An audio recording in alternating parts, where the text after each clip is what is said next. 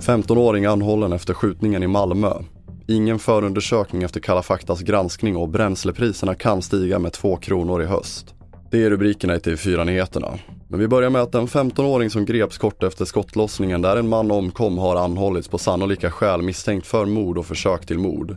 Det var på fredagen strax efter klockan 17 som polisen fick in larm om att flera skott avlossats inne i köpcentrumet Emporia i Malmö.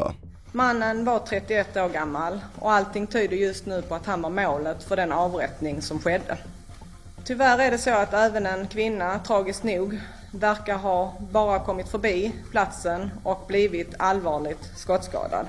Ni hörde Petra Stenkula under polisens pressträff och mer om detta på tv4.se. Vi fortsätter med att Riksenheten mot korruption inte kommer att inleda någon förundersökning efter Kalla faktas granskning. Det säger chefsåklagare Martin Bresman. Samtidigt ser han mycket allvarligt på uppgifterna om partier som försökt kringgå reglerna om partifinansiering.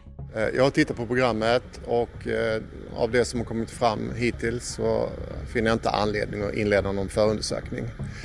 Eh, och det beror på att det inte funnits någon verklig avsikt som jag uppfattat det att, att lämna något eh, eh, bidrag i det här fallet till något parti utan det här är ett riggat fall.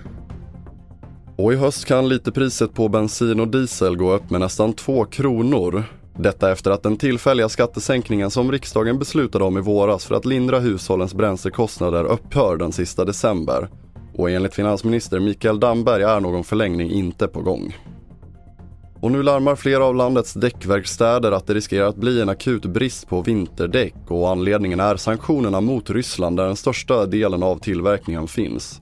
Situationen kan också komma att påverka trafiksäkerheten. Hamnar man i ett sådant läge där man står i valet åka ställa bilen över vintern eller köpa ett billigt däck som kanske funkar sådär.